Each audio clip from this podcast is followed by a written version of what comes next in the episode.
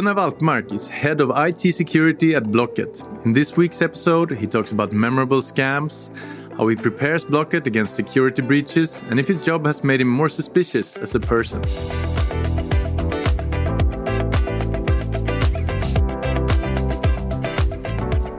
Hello, Gunnar Waltmark. Welcome to Schibsted Talks. Oh, hello, Hugo. So, you're the head of IT security at Blocket. What does that mean? What sort of work do you do? Everything from sort of risk assessments and threat modeling towards the whole like marketplace, as and then down to sort of like nitty gritty debugging sometimes of code that developers write. So it's everything because I'm trying to keep a, a sort of a very holistic approach to the whole security thing of having knowledge about everything we do so i can sort of have that in the back of my head when i'm uh, sort of evaluating things if it's good enough security or not. How many are you in your team? I'm the only guy that is for security but then i work in a team with a bunch of infra people and some developers and i think we're like 10 people in that team but they don't work with me directly always on security, but sometimes.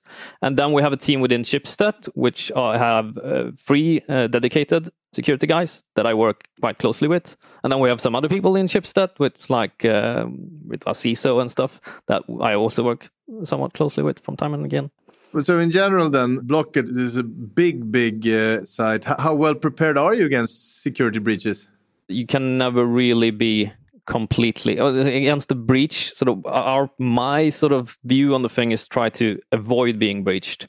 But we ha- have some things in place that are a bit different i guess from normal perhaps setups is that we have and now we get might get somewhat technical but anything that receives traffic from the internet any system that receives traffic from the internet is not allowed then to access the internet by itself. It has to go through a proxy. And in that proxy, there are rules on what is allowed to be accessed. And actually, every system is set up in, in that type of way.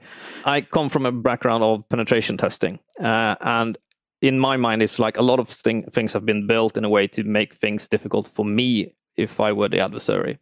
So I know that if that was a thing, I would find that annoying and it's like maybe i will choose a different target if i know that oh there's going to be all these complicated ways of getting things out once if i get in. For example the, the most common things that are once if there are uh, some sort of unknown vulnerability and there's a code execution possibility most of the time these days i think they they sort of like they get their thing and then they try to download a crypto miner back in the day it was they download an irc chatbot to be part of like botnet or something. These days is mostly crypto mining, but that would be very difficult to do in our setup because then they would they they not only have to compromise the system they also have to compromise the system that uh, monitors and blocks the outgoing traffic so they can download stuff. In a perfect world no one would be able to use anything and and, and things would be really secure but then no one would be able to use anything. So there has to be sort of like there will be openings. I know. Wait, you can you can't make perfect security. You don't want to share the opening with me, I guess. Uh, well, yeah, but I mean, humans are always the opening. This is not secret for anyone who's actively working with this. Is that humans are the weak points always. Uh, you can build t- tremendous technology, do all sorts of things, and make things difficult. But at the end of the day, humans will always be the the weak point. What do you mean when it comes to IT security? I mean, how can humans be, be the, the problem here? Someone needs to change and update the system, do things with the things, and it's and then someone forget that, and someone something opens up. Is that's how it works, right? Most of our incidents uh, these days are when we sort of like happens is it's usually ourselves that make a mistake and something goes down and something breaks. Uh, it's not very rarely it's someone from the outside that breaks something for us. It's ourselves just makes a silly mistake. Oh, okay. Uh, I think that's pretty common uh, in, in a lot of places. What happened when Blocket got hacked in 2005? Can you tell me about that? Well, that was the whole starting point when Blocket started realizing security was important. This is slightly before my time, just I think a bit of a year before I actually started working actively with Blocket. But I've been told a lot of stories. And it was one of these days they suddenly started realizing they were getting alarms for something and they was like going to check out what's going on and they realized that suddenly they were defaced that the starting page of Blocket was gone and it was like putting pointing to to a competitor's website that's no longer around. Basically, they got really scared then because it was like, wait, we can't. We're, we're sort of completely. We have nothing to fall back upon. If our internet presence is gone, we we're not making any money. We're not. It's nothing. It's sort of what that led to was that it was a lot of things. First things, they they left the building and they moved uh, temporarily the CEO's house and sat there and tried to think, fix things. And the CEO uh, was neighbor with uh, a person who worked at SunGard. And SunGard had a daughter company called IX Security uh, that dealt with sort of security issues. So that's how a security firm got involved. And then, of course, they moved out of the CEO's house and moved to the bunker that uh, God has. Uh, and uh, it was a big thing. A lot of things were rewritten from scratch. It was a huge project and at that point a bunch of sort of a completely different mindset was brought into Blocket about how to deal with security and how to not think of yourself as just a normal website and more of like more in, in the of how banks and financial uh, things think about things and deal do with things i'm always very curious about scams when it comes to marketplaces people fooling other people. What sort of scams are the most common one in, in, in Blocket? We have whole teams that working on just sort of the normal day-to-day things with interaction with the police and so. Uh, that's very rarely I get involved, but it, it sometimes happens. Uh, but the most of the things that I see is when we have these external threat actors that are trying to sort of some sort of elaborate phishing scams is the most common. How does that work then? It used to be that they sent out an email that looked like it came from Blocket.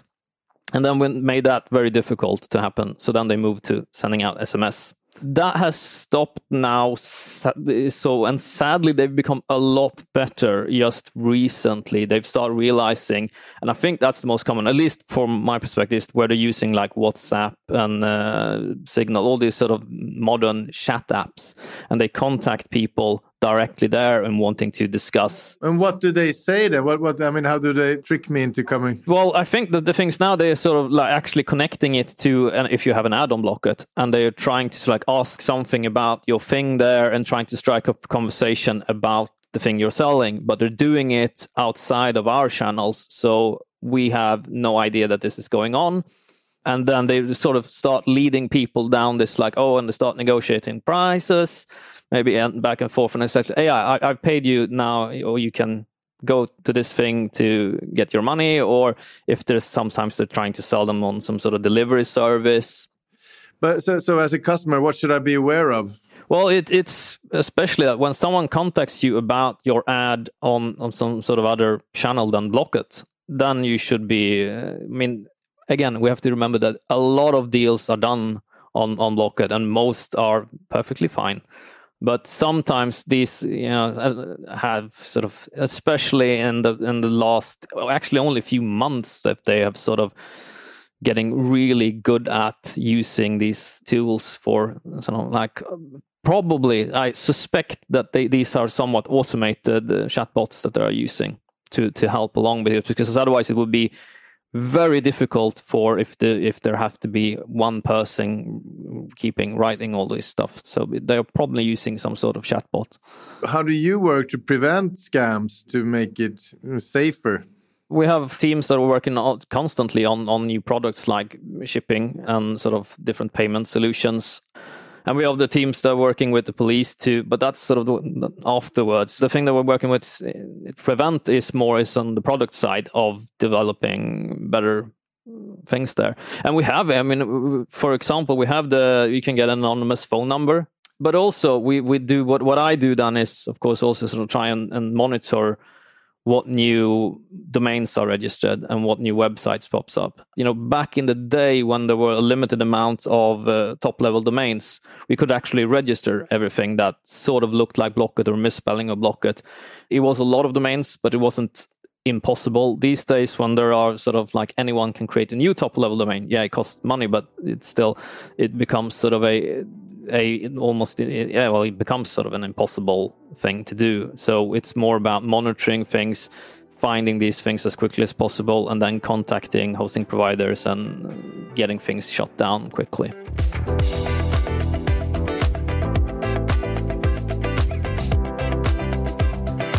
The work that you do is all about you know detecting bad guys trying trying to to hurt the company. Has this made you suspicious as a person not really. I already was very suspicious way way before this. Um, well, the type of threats dealing with now, I mean, basically, it's most of it is about getting like credit card numbers and getting a, a little bit of money and stuff. I mean, there are, are, a lot more dangerous things out there that that we're not the target of. I guess you create scenarios. What can happen here? You like have operations when when someone you ask someone to try to make a breach and, and then you defend yourself. How do you train, so to speak? We have multiple different things for that. Yeah, you pay people to try to take over Blocket.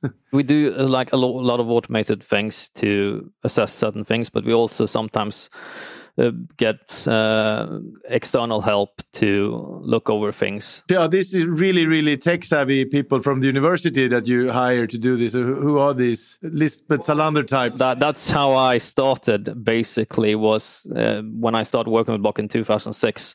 That was my job to try and break in and try and figure out ways of how to abuse the whole the system how how things how people can what thing and then to like to to sort of then sort of be able to build uh, protections against that. It's not really from university. It's like i'm a bit of an old guy and uh, so when we do sometimes we get other old guys who uh, a lot of times have a history of working with a bit a different security level just say like they have military backgrounds, perhaps. Sort of Lisbeth Salander types. Yeah, the Lisbeth Salander type, but, but in a suit and not in the hacker, normal hacker outfit. Ah, okay. They're, they're more more suits than hackers then. But it's this like next level of, of when you can get these really clever people, but they also can dress in a suit and look nice. Then that's. Ah, okay, okay, okay, okay. That sounds pretty pretty awesome.